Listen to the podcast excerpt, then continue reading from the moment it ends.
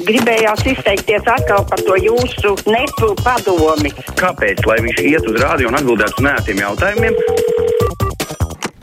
6722, 888, 672, 559, ir tāluņa numurs mūsu studijā. varat mums arī rakstīt, sūtot ziņu no mūsu mājaslapas. Klausītājs raksta fakts izdzīves pērnu koksnē cenu uzlidoja līdz ar Covid loģistikas krīzi. Kaimiņi, kas līdz tam filozofēja par savu mežu kā nemateriālo vērtību, sajūta naudas smaržu un noskuva 90-gadīgu mežu pa tīro. Var jau ministrija pārstāvis skaisti runāt, ka privātais necirtīs jaunos kokus, bet dzīvē izskatās, ka liela koksnes cena nokauj morāles principus. Un savukārt ilga raksta ārzemnieki pārsolīs kolosāls Latvijas tirgus sakārtošanas mehānisms. Labi, savukārt es celšu klausulī. Labdien, brīvais mikrofons! Labdien! Ir nemaz jau tos lielos kokus jau ne, ne, necērt brauc pa Madonas gulbenes šoseju, var redzēt, ka mazi koki cirsti nemaz nav lielu. Nevienas kravas, kas iet garā, nevienas nav lielas, tikai visi mazie, vai tas ir augsnis, vai tas ir egle, vai prieda, vai bērs. Tikai mazie. Paldies! Mm -hmm. Paldies! Tas ir ļoti jauki, ka pie jums tā notiek.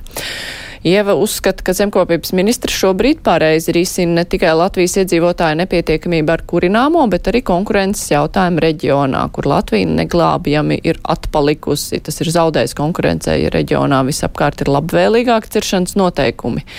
Žēl, ka raidījuma vadītāji izvairījās noskaidrot, kā īsti ir caurmērs un kā tas ir radies. Mēs esam par šo runājuši un nereiz vien savās diskusijās, un šoreiz tas nebija sarunas temats, vairāk interesē interesēja.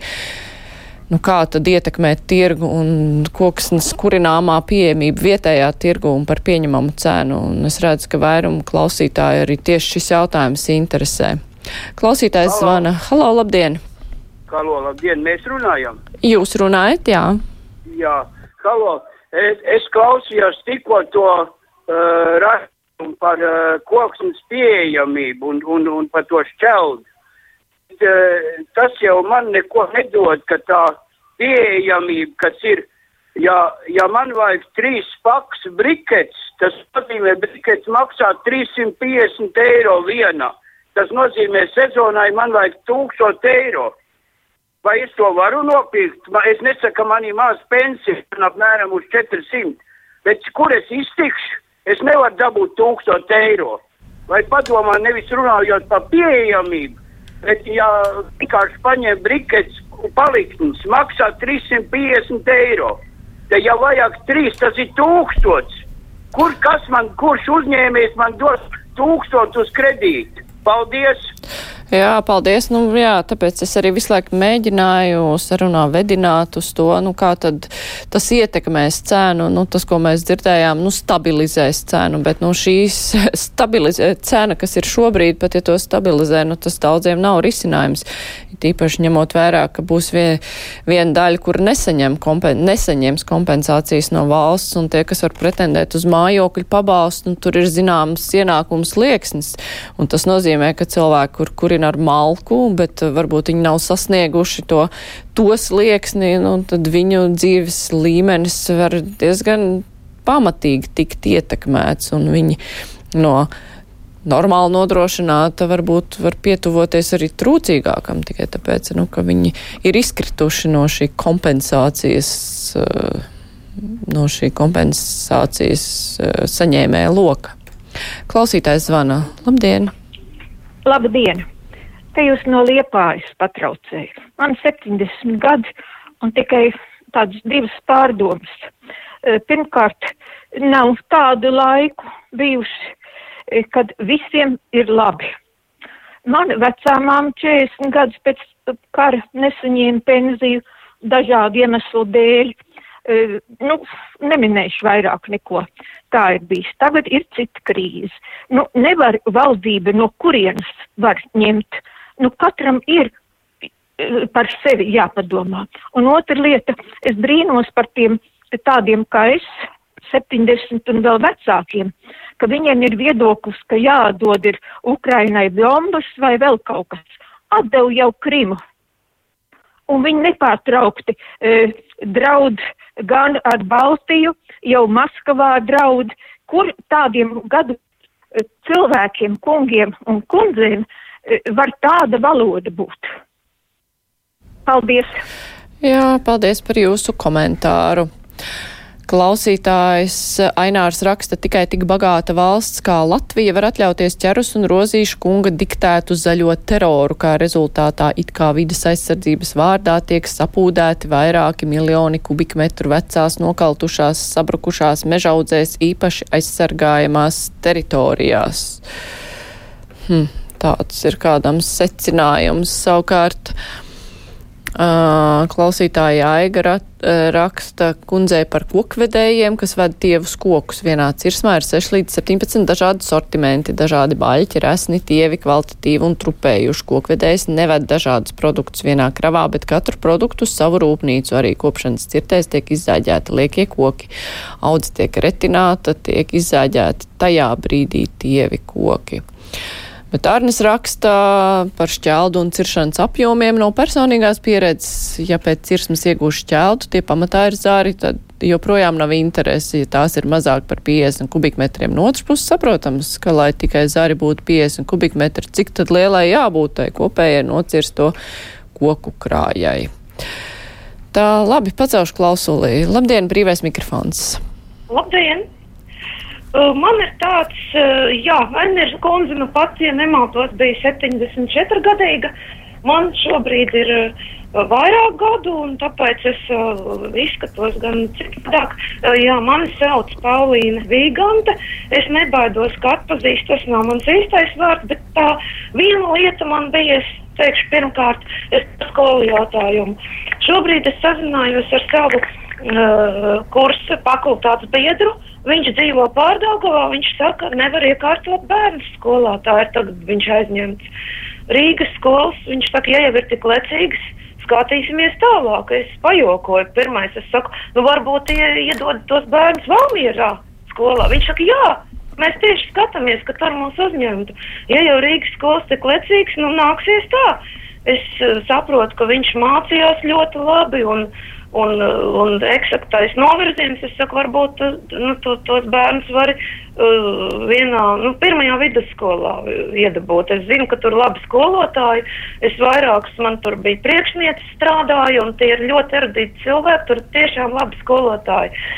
Viņš saka, nē, nu, ka netiks, un tad es aizdomājos, vai es pareizi viņam ieteicu, jo es pati mazā lauka skoliņā mācījos. Un visi īstenībā tur bija ļoti slikti skolotāji. Mums sprieda uz sportu mūsu klasi. Mēs bijām visi tīģeri gadā dzimuši, vajadzēja nodarbināt, jo mēs uzvedāmies tiešām neadekvāti. Mēs... Labi, jā, es eh, nezinu, vai tomēr tādu atstāstu pa skolas laikiem, bet tas ir tā dīvaini izklausās lecīgās skolas, kuras neņem parasti, jo neņem tāpēc, ka ir jau pilns klases, ar, varbūt tāpēc. Klausītājs zvana brīvais mikrofons, labdien! Labdien! Man ir 86, bet es redzu savā apkārtē, kad zem elektrolīnijām nozāģē diezgan palielus krūmus un viņus samaļ uz vietas, neko neaizvedot, neko nešķeldojot, neko. Tas pats notiek arī dzelzceļa malā. Es personīgi nozāģēju ābeles zārus un sašķeldoju pati, lai man būtu ko kurināt. Tikai žēl, ka man tā spēka pamaz un kas palīdz nav. Nu, varbūt viņi tur ved uz kaut kurienu citurieni un to tāpat dara, nevis vienkārši kaut kur izmet. Klausītāja Aiga raksta, mežsaimniecība ir ražošanas veids, kuras produkts ir apaļkoki, kur pērk zāģētāju, parametri ir suga, diametri, garums, ko pārsardā zāģētājs, vai labāk būtu meža vietā audzēt graudus vai būvēt fermas. Katrā valstī zeme ražo tulpes, vīnogas, graudus, kokus. Tad kas ir no šī vides visa dabai draudzīgāks? Nu jā, te jau bija stāsts par to arī, ka nav ilgspējīgi audzēt kokus, kur pēc tam tiks sadedzināti, nu, audzēt tādus eh, vērtīgāku kokus, no kurus var kaut ko saražot vairāk. Labdien, brīvais mikrofons! Labdien! Sveiki! Visa vaina tajā, ka nav kārtīgi saimnieku piekrītu iepriekš tai sievietei, kas zvanīja un stāstīja par tām elektrolīnijām. Tāpat arī, kur izcirtumi. Tur mētājas tādi bērza kuķi rokas restuma gārumā, cik uziet. Bet tos nevienam nevajag. Tagad cirtīs jaunus kociņus. Saimnieku kā nav, tā nav. Valstī ir viens bardaks, un Latvijas meži ir meža izlaupītāji, nevis kaut kādi tur Latvijas meži. Paldies! Paldies par jūsu viedokli. Tā Romāns prasa, kā fiziska persona varēs granulas iegādāties izsolē. Nu, tā, lai izstāst praktiski, manuprāt, izvairīgas atbildes par konkrētu jautājumu, kā prioritāri tiks nodrošināts vietējais iedzīvotājs un kā tiks noturēta kaut cik jēdzīga cena par šķeldu un granulām. Cits klausītājs rakstus atvainojos, bet nu kā tad tiks nodrošināta šķelda un granulas par saprātīgu cenu vietējiem tirgumu, ja būs pieprasījums no ārējiem tirgiem? Kāda vēlna pēc komersanda? Tad pārdot lētāk to Latvijas tirgu, paskaidrojiet, taču savādāk tā ir tukša muldēšana, kā var nesolīt, kā tam var ticēt. Tādas ir klausītāju reakcijas par diskusiju, kas izskanēja. Nu, jā, cīm redzot, secinājums tāds ir, ka pagaidām pārliecības nav, ka būs tā saprātīgā cena tam vietējiem patērētājiem. Bet paldies, brīvais mikrofons ar to izskan. Es īsi izstāstīšu par rītdienas raidījumu tematu. Būs jau mans kolēģis Aidis Tomsons studijā, un viņš runās par to, kā ar valsts kapitāla sabiedrību peļņu krīzes laikā ir, jo, piemēram, Latvija energo ar augstajām cenām labi nopelna. Tur ir mēnesī vairāk desmit miljonu eiro. Un tad jautājums, kas tad ar šo peļņu notiek? Kas tiek iegūta. Tas arī zināmā mērā attiec uz mūsu šīs dienas diskusijas tematu.